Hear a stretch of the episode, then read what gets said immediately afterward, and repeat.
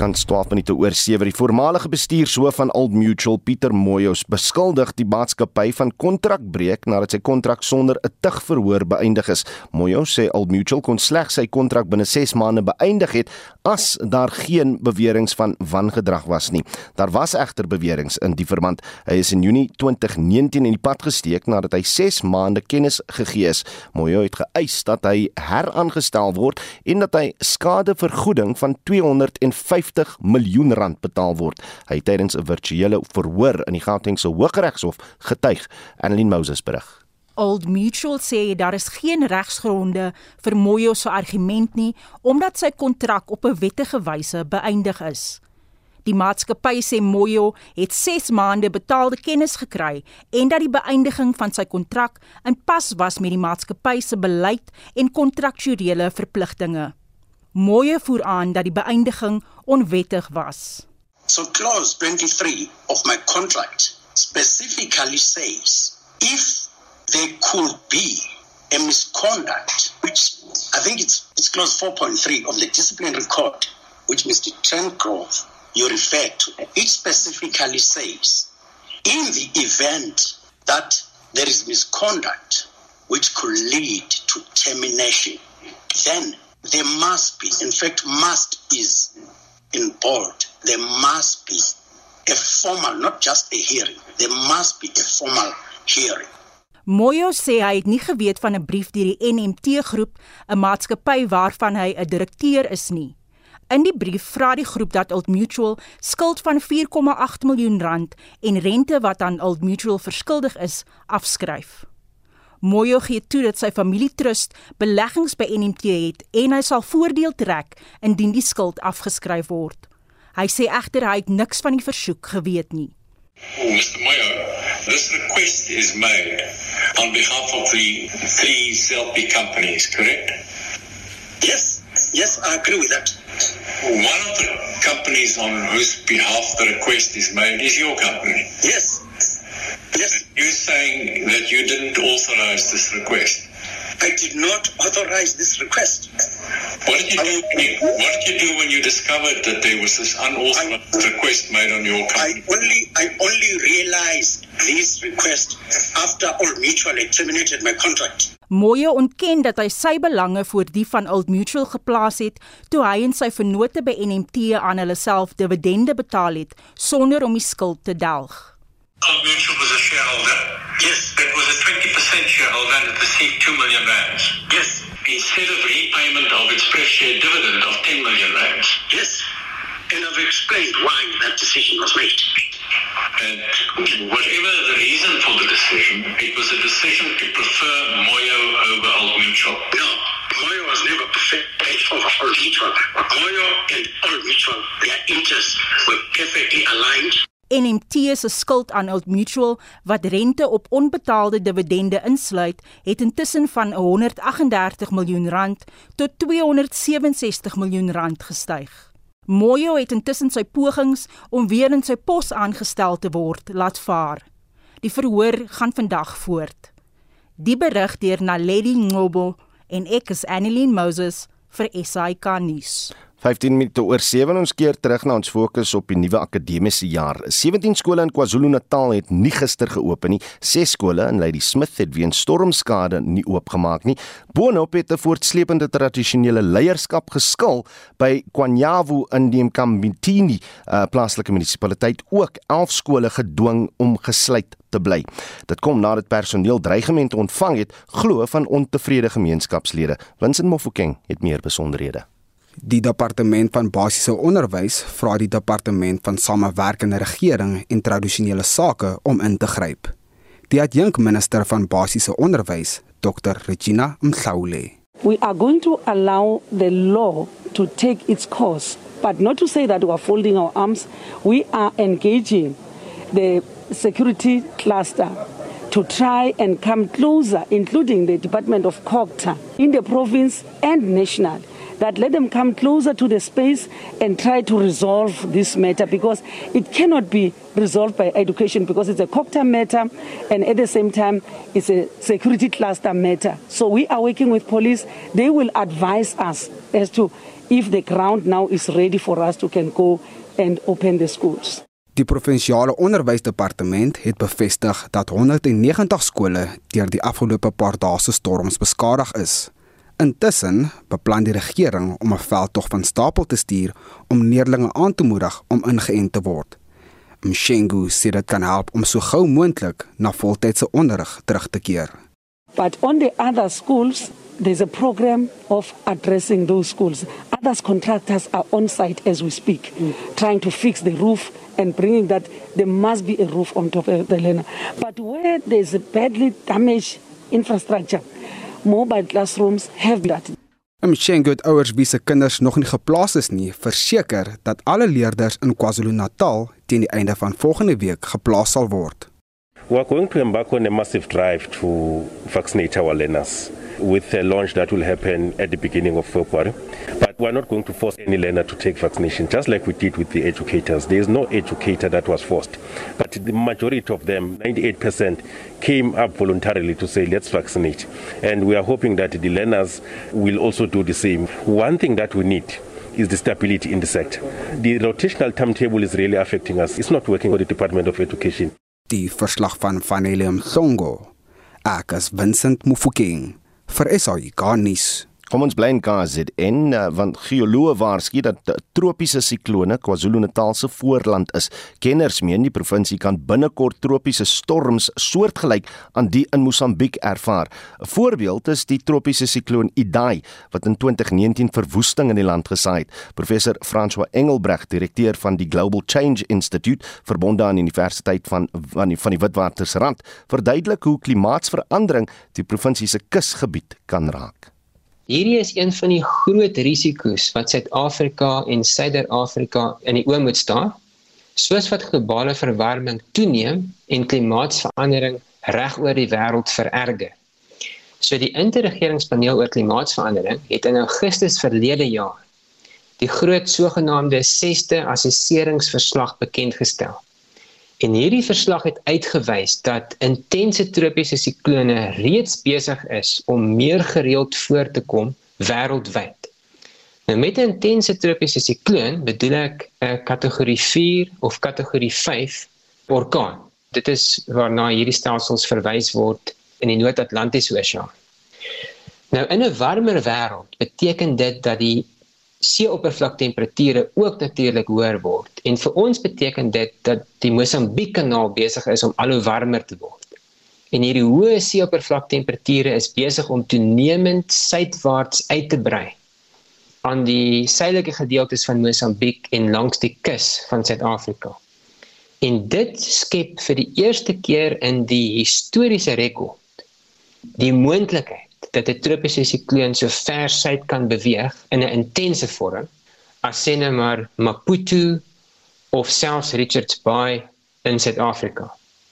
Nou baie van die luisteraars, veral die ouer luisteraars, sal onthou van sikloon De Moina.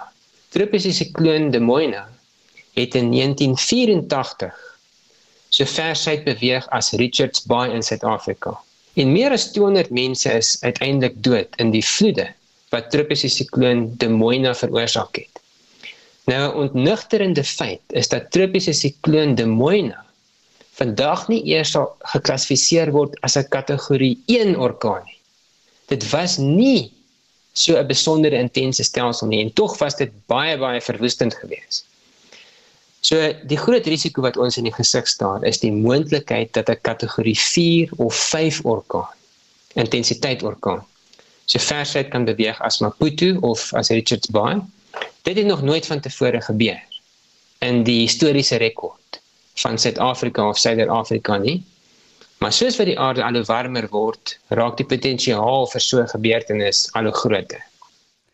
En dan wat is Suid-Afrika se gereedheidsvlak om sulke rampe of siklone te bestuur?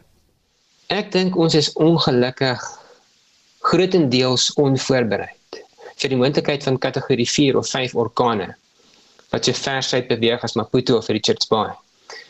Kom ons dink maar net 'n bietjie aan wat gebeur het in Maart 2019 toe 'n kategorie 3 orkaan uiteindelik die land bereik het by Beira. Meer as 1000 mense het hulle lewens verloor in die vloede. in die pad van tropiese sikloon Idai Maart 2019. En dit wys vir ons natuurlik dat Mosambiek geensins voorbereid was nie. Daar dit was nie moontlik om die 500 000 mense wat in Beira woon betyds uit die pad te kry van hierdie vernietigende orkaan nie. En daar is eenvoudig net nie 'n goeie vervoerinfrastruktuur om vinnig honderde duisende mense te verwyder as ons weet dat die sikloon nou die land gaan bereik by 'n spesifieke plek nie. Ons het ook geen sogenaamde seemure en noemenswaardige seemure wat ons kan beskerm teen 'n kategorie 4 of 5 orkaan wat die land bereik my by Beira, Maputo of selfs by Richards Bay. Nie. En ek het ongelukkig ook nog nooit 'n plan gesien van rampbestuur in Suid-Afrika wat verduidelik hoe ons mense, honderde duisende mense gaan ontruim van die kus indien 'n tropiese sikloon van hierdie intensiteit Maputo sou bedreig of selfs Richards Bay sou bedreig nie. So ek dink ons is grootliks onvoorbereid of die planne wat ons dalk iewers op papier weggestapel het is nie is nie wel bekend nie. So ek dink ons is baie baie baie kwesbaar. Ek dink ons mense is ook nie gewoond aan die geweldige sterk winde wat gaan gepaard gaan met so intense tropiese sikloon nie. Onthou 'n tropiese sikloon van hierdie intensiteit genereer winde wat vir lang periodes waai teen 'n onsaglike snelheid van 200 km per uur of meer. Dink maar net aan die verwoesting wat so 'n sikloon sal saai in die informele nedersettings van Maputo en ook aan ons eie oostelike kusgebiede in die omgewing van van Richards Bay en en aan die KwaZulu-Natal kus. Dit was professor François Engelbrecht, die direkteur van die Global Change Institute verbonde aan die Universiteit van die Witwatersrand en hy het met Vincent Mofokeng gepraat. 23 minute oor 7 tyd vir 'n bietjie goeie nuus. En die groenwaterstofprojek wat die week in Boego Bay naby Alexander Bay in die Noord-Kaap bekend gestel is, kan volgens volbaar uh, volhoubaarheidstudies binne 2 jaar sowat 6000 werksgeleenthede skep. Die projek is die week deur die minister in die presidentskap Mondli Ngubele geloods. Die waarnemende uitvoerende bestuurder van die Noord-Kaapse Ekonomiese Ontwikkelingsagentskap, Hendrik Lou, verduidelik wat die planne vir die projek behels. Die aanvang egter hiervan is 'n globale beweging soos wat ons aan verwys is 'n emissie gekontroleerde proses of 'n vermindering van emissies en ons weet dit is deel van die globaliseringsdryf wat ons heidaglik ervaar om emissies te verminder om dan die skade aan die ozonlaag, die suur, reën ensovoorts te verminder. Dit is om te kyk na alternatiewe energiebronne, energiebronne wat nie hierdie reperkusies het dan nie, wat dan ook verder meer hernubare bronne is. Ons weet dat die vrees wat baie jare bestaan dat fossiel brandstowwe te te leeftyd maar die emissies wat verband hou met steenkool, die emissies wat verband hou spesifiek dan met brandstowwe soos wat olie gedrewe is, is dan baie skadelik want hulle plof 'n proses en in 'n ontbrandingsproses het dan 'n hoogs toksiese emissies. So groen waterstof kom in twee elemente. In eerstens die manier hoe dit vervaardig word. Interessant in Suid-Afrika is ons fasiliteer Sasol, is die grootste produsent van grys waterstof in die wêreld. So groen waterstof bepaal dat die proses wat gebruik word, die energie inset spesifiek dan elektrisiteit in 'n groot mate wat dan elektrolise masjiene hanteer is dan gedrewe deur groen energie.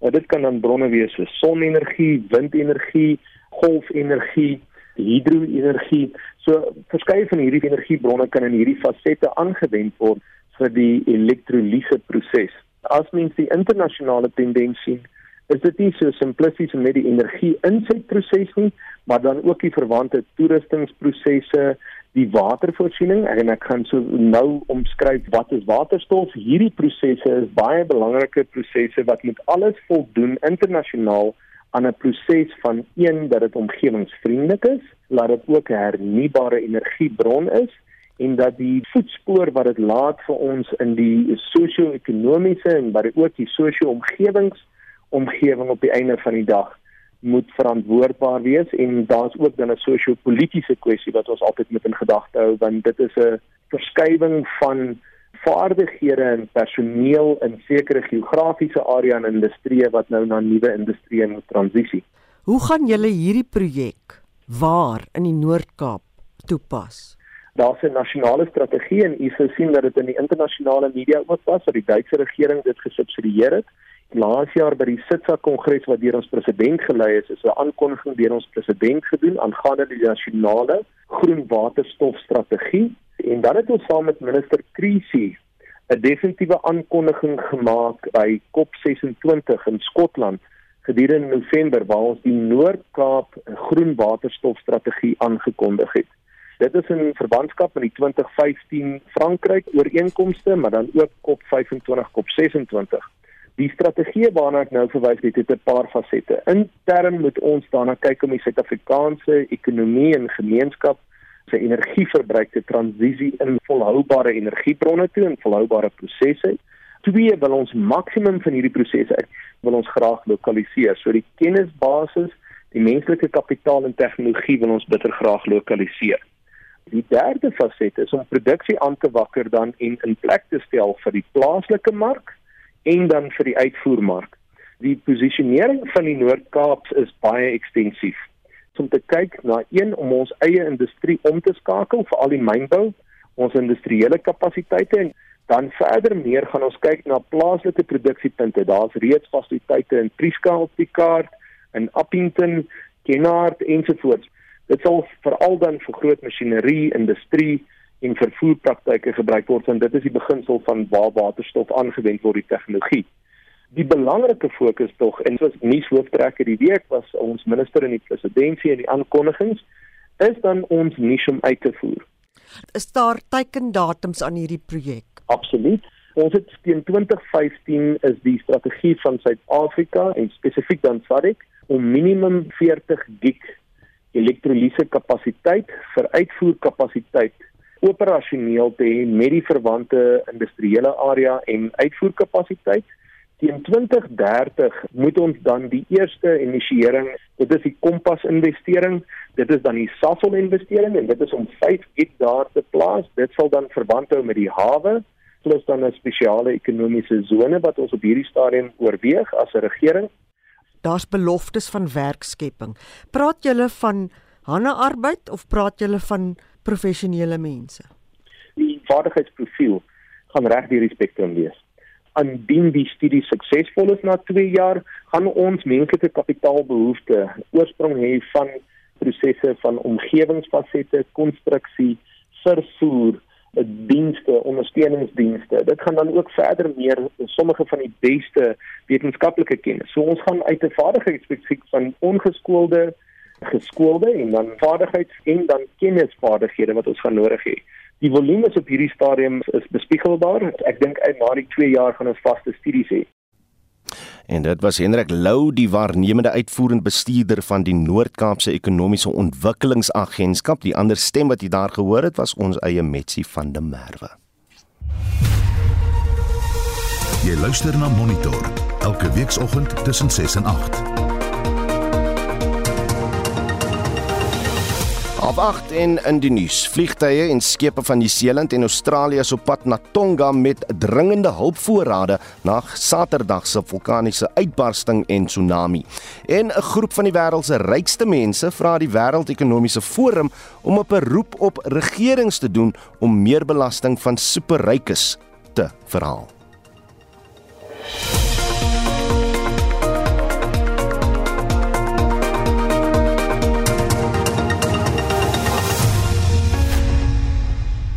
Nou tyd vir Marlene met julle terugvoer. Hier's nie Harry daar's hier binne nie, gelukkig. Ons praat vanoggend oor die oordrag van COVID-19 van mense na diere. En ons wonder of jou troeteldiere saam met jou siek geword het toe jy COVID-19 gehad het. Stef skryf op WhatsApp: "Ons honde het al 5 saam met ons ligveg distress gekry toe ons in Junie Delta oorgekom het. Hulle slaap saam met ons in die slaapkamer. Ons het elkeen vir hulle nou op grond van hulle gewig 'n dosis Ivermectin ivermectin inspuiting gegee en hulle het binne 'n dag die simptome afgeskiet of eerder afgeskit. Chrissy stuur 'n SMS uit Rustenburg. Ek het COVID gehad en nooit gedink dit kan dalk diere aansteek nie. Ek het die hond kos gegee soos altyd en ek is gesond. Toe sien ek my hond is dan nou vreeslik siek, braak alles en is sommer baie mader en al 4 dae aan antibiotika is dit daarom nou weer vol lewe. Maar Martin van der Bell Park se storie is nie so gelukkig nie. Hier is haar SMS. Sy sê my dogter het COVID 19 opgedoen en haar katjie is 3 weke later dood. Hy het waarskynlik verskriklik gely. Hmm. Gerard Botma skryf op Facebook oor sy diere. Hy sê ek sal alles doen wat ek kan doen om hulle te beskerm. En dan skryf Arnou van Wyngaard ek lees net so gedeelte uit 'n baie lang inskrywing daar. Dis waarskynlik voortydig om op hierdie stadium reeds te wonder oor moontlike COVID-19 inentings vir ons troeteldiere. Maar as ons aanvaar dat ons troeteldiere van hondsdolheid of hondesiekte of katgriep kan doodgaan en hulle daarom teen hierdie siektes inent, dan maak dit seker alles sin. As ons genoeg navorsing oor hierdie saak gedoen is en daar is bewys dat COVID-19 ons troeteldiere se gesondheid negatief kan beïnvloed, om hulle ook hierteen in te spuit, sou 'n enstof beskikbaar word. Dis van die terugvoer wat ons ontvang het om bietjie te praat oor um, of mense diere kan aansteek met hierdie virus. Jy kan 'n SMS stuur 45889 dit gaan jou R1.50 kos. Kan saamgesels op Facebook, jy kan ook vir ons 'n WhatsApp stemnota stuur en as jy moeg is vir die pandemie mm. en jy sien net uit na een ding na al die gepraat oor COVID-19, wat is dit? Laat weet ons. 0765366961. Nou vir die jongste sportnuus, hier is Shaun Jooste.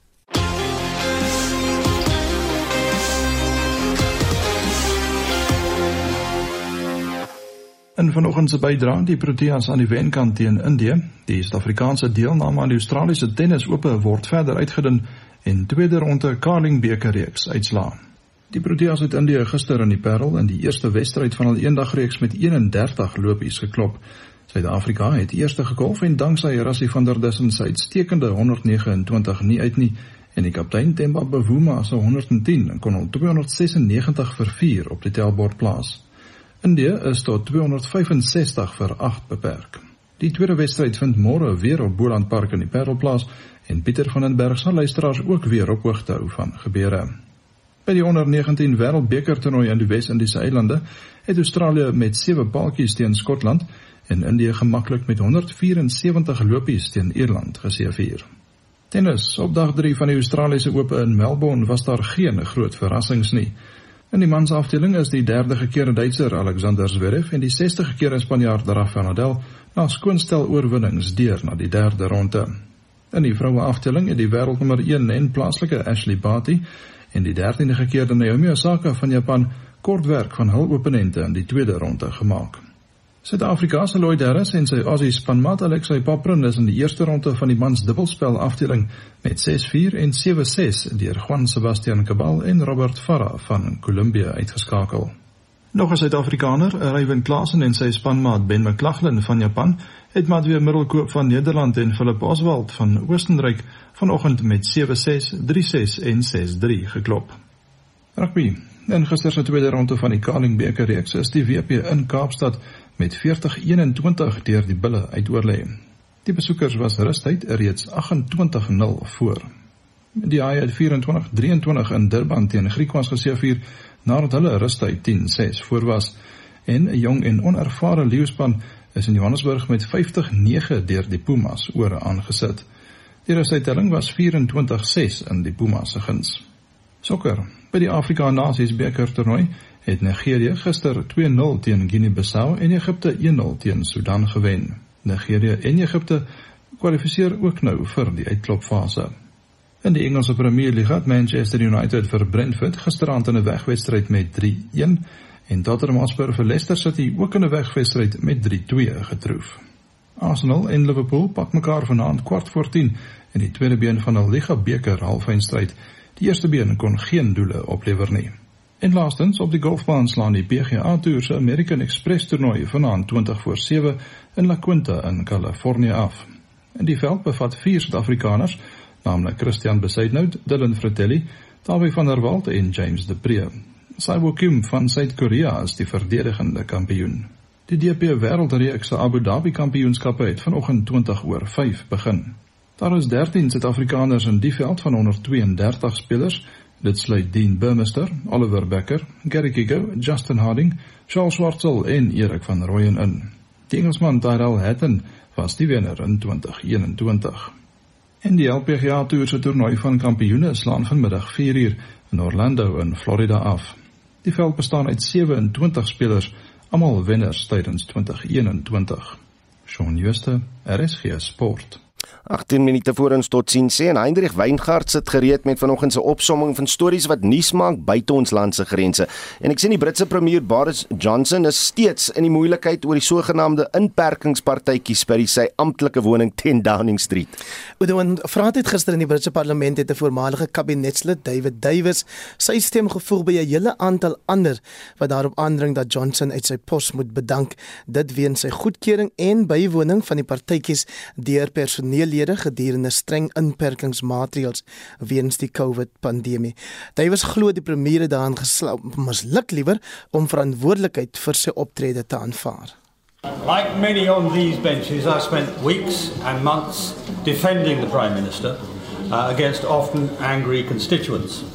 I reminded them of his success in delivering Brexit and on the vaccine and many other things. But I expect my leaders to shoulder the responsibility for the actions they take. Yesterday, he did the opposite of that. So I'll remind him of a quotation altogether too familiar to him of Leo Amory to Neville Chamberlain. You have sat there too long for all the good you have done. In the name of God, go. Davis se uitspraak het gevolg nadat die LP van Johnson se konservatiewe party Christian Wakeford gister na die Arbeidersparty oorgeloop het oomblikke voordat die vraesessie begin het. Ses konservatiewe LPs het tot dusver in die openbaar op Johnson se bedanking aangedring terwyl geglo word dat heelwat meer reeds skriftelik daarvoor gevra het. Minstens 54 sulke briewe word benodig om 'n mosie van wantroue af te dwing. Johnson is egter nie van voorneme om te bedank nie. Hier kap hy terug teen Davis Davis se kritiek. Prime Minister. I, I, I, must say to the right honourable gentleman, I don't know what he's talking about, uh, but uh, what, I can, what I can tell him, uh, I don't know what quotation he's alluding to that he re- he's referring, but what I can tell him is that I, and I think I've told this House repeatedly uh, throughout this throughout this pandemic, I take full responsibility for everything done in this government uh, and, and uh, throughout the pandemic. op 'n minimum kleurvol. En uh, ek sien die oorlogswolke pak steeds saam op die grens tussen Rusland en Oekraïne met Amerika wat gereed is om uh, toe te slaan en in Rusland wel soos wat verwag word te uh, Oekraïne uh, sal binneval. So die Amerikaanse president Joe Biden is oortuig dat so 'n aanval deur sy Russiese eweknie Vladimir Putin beplan word, maar hy glo nie dat Putin 'n volstrekte oorlog beplan nie. Indien dit wel gebeur, sal Rusland 'n duur prys hiervoor betaal, het Biden gemaan. Hier praat hy by 'n media konferensie. And so I think what you're going to see is that Russia will be held accountable if it invades. And it depends on what it does. It's one thing if it's a minor incursion and then we end up having a fight about what to do and not do, etc. But if they actually do what they're capable of doing with the force amassed on the border, it is going to be a disaster for Russia if they further invade, invade Ukraine, and that our allies and partners are ready to impose severe cost and significant harm on Russia and the Russian economy. Die Withuis se perssekretaris Jen Psaki het gisterand in 'n verklaring onsekerheid oor presies wat Biden bedoel het uit die weg probeer ruim. Sy het gesê as enige Russiese militêre magte die Oekraïense grens oorsteek, sal Amerika dit as 'n nuwe inval beskou. Gesprekke tussen die Weste en Rusland het verlede week skibreek gelei weens Moskou se eise wat onder meer insluit dat die Oekraïne nie toegelaat moet word om met die Noord-Atlantiese Verdragsorganisasie aan te sluit nie. Rusland ontken egter dat 'n aanval beplan word in weerwil daarvan dat hy na raming 100 000 troepe op die Oekraïense grens het. Na Tonga nou waar eh, noodleningshulp op pad is om inwoners van die eiland te help nadat hulle die naweek deur 'n vulkaniese uitbarsting en tsunami golwe getref is. Jy het daarna verwys in die hooftrekke om 08:30 Oudo. Nieu-Seelandse en Australiese vliegtye en skepe met broodnodige voorraad behoort vandag in Tonga aan te kom. Honderde werkers het teen gister 'n dik laag vulkaniese as van die aanloopbaan op die lughawe in die Tongaanse hoofstad Nuku-Alofa verwyder. Minstens 3 mense is weens die vulkaniese uitbarsting dood en kommunikasie is onderbreek terwyl kommer bestaan het dat die vulkaniese as 'n gesondheidsrisiko vir inwoners inhou en drinkwater kan besoedel. En dan laastens 'n storie uit Rome oor 'n paleis wat gewis geen pondok is nie. Net so, dit is inderwaarheid 'n historiese villa wat jou 'n allemintige 471 miljoen euros of 535 miljoen dollar uit die sak sal jaag. Ek moes dit so stadig lees. Is dit waarom daar geen koper gekry kon word by 'n veiling wat pas gehou is nie. Die eiendom bestaan onder meer onder meer uit die enigste plafonskildery deur die Italiaanse barokkunstenaar Michelangelo Merisi, beter bekend as Caravaggio. Die BBC se Mark Lowen is 'n geleentheid gebied om hom aan die eiendom te vergaap. Well, each room inside is full of artistic splendor, from the painting of the goddess Aurora downstairs to this, the greatest gem of the lot, the only mural on a ceiling painted by Caravaggio. Jupiter, Neptune, and Pluto reaching out to touch the celestial sphere. The late Baroque, early Renaissance artist painted his own face and body on those of the gods. An oil on plaster, amazingly, it was only discovered in the late 1960s, before which it had been covered up. Nou die kunswerk alleen se waarde word op 310 miljoen euros bepaal. Hmm. Maak jou eie somme Udo, oor wat die eiendom in randterme werd is voordat daar 'n datum vir 'n volgende veiling bekend gemaak word. Met my sin dit sewe wiskunde het ek by sy iets soos 8 miljard rand uitgekom. ja, ek, ek sal gou net 'n EFT doen vir hy uh, kunswerk en miskien ook die wille. Lieflike storie Heinrich Weingart met vanoggend se opsomming van gebeure elders in die wêreld. En so gepraat van elders in die wêreld, die wêreldekonomie word negatief geraak deur die voortsleepende COVID-19 pandemie en bedreig die vordering wat met die 2030 volhoubare ontwikkelingsagenda gemaak is. Dit is die boodskap van die sekretaris-generaal van die Verenigde Nasies, Antonio Guterres, tydens 'n virtuele vergadering van die Wêreldekonomiese Forum. Die sitting in Davos is vroeër uitgestel weens die wêreldwye stygings in COVID-gevalle. Guterres maan teen ernstige gevolge indien die wêreld nie ontwikkelende lande bystaan nie. Anlene Moses berig. Talle lande het die Wêreldgesondheidsorganisasie se COVID-19 inentingsteiken van ten minste 40% gemis. Die oorgrootste meerderheid van die lande is in Sub-Sahara Afrika. Guterres sê die laaste 2 jaar het 'n eenvoudige maar brutale werklikheid gedemonstreer. If we leave anyone behind, in the end, we leave everyone behind. If we fail to vaccinate every person, we give rise to new variants that spread across borders and bring daily life and economies to a grinding halt. And if we fail to provide debt relief and financing to developing countries, we create a lopsided recovery that can send an interconnected global economy into a tailspin. If we fail to reduce inequalities, we weigh down economic progress for all people in all countries. And if we fail to match climate rhetoric with climate actions, we condemn ourselves to a hotter, more volatile hearse with worsening disasters and mass displacement.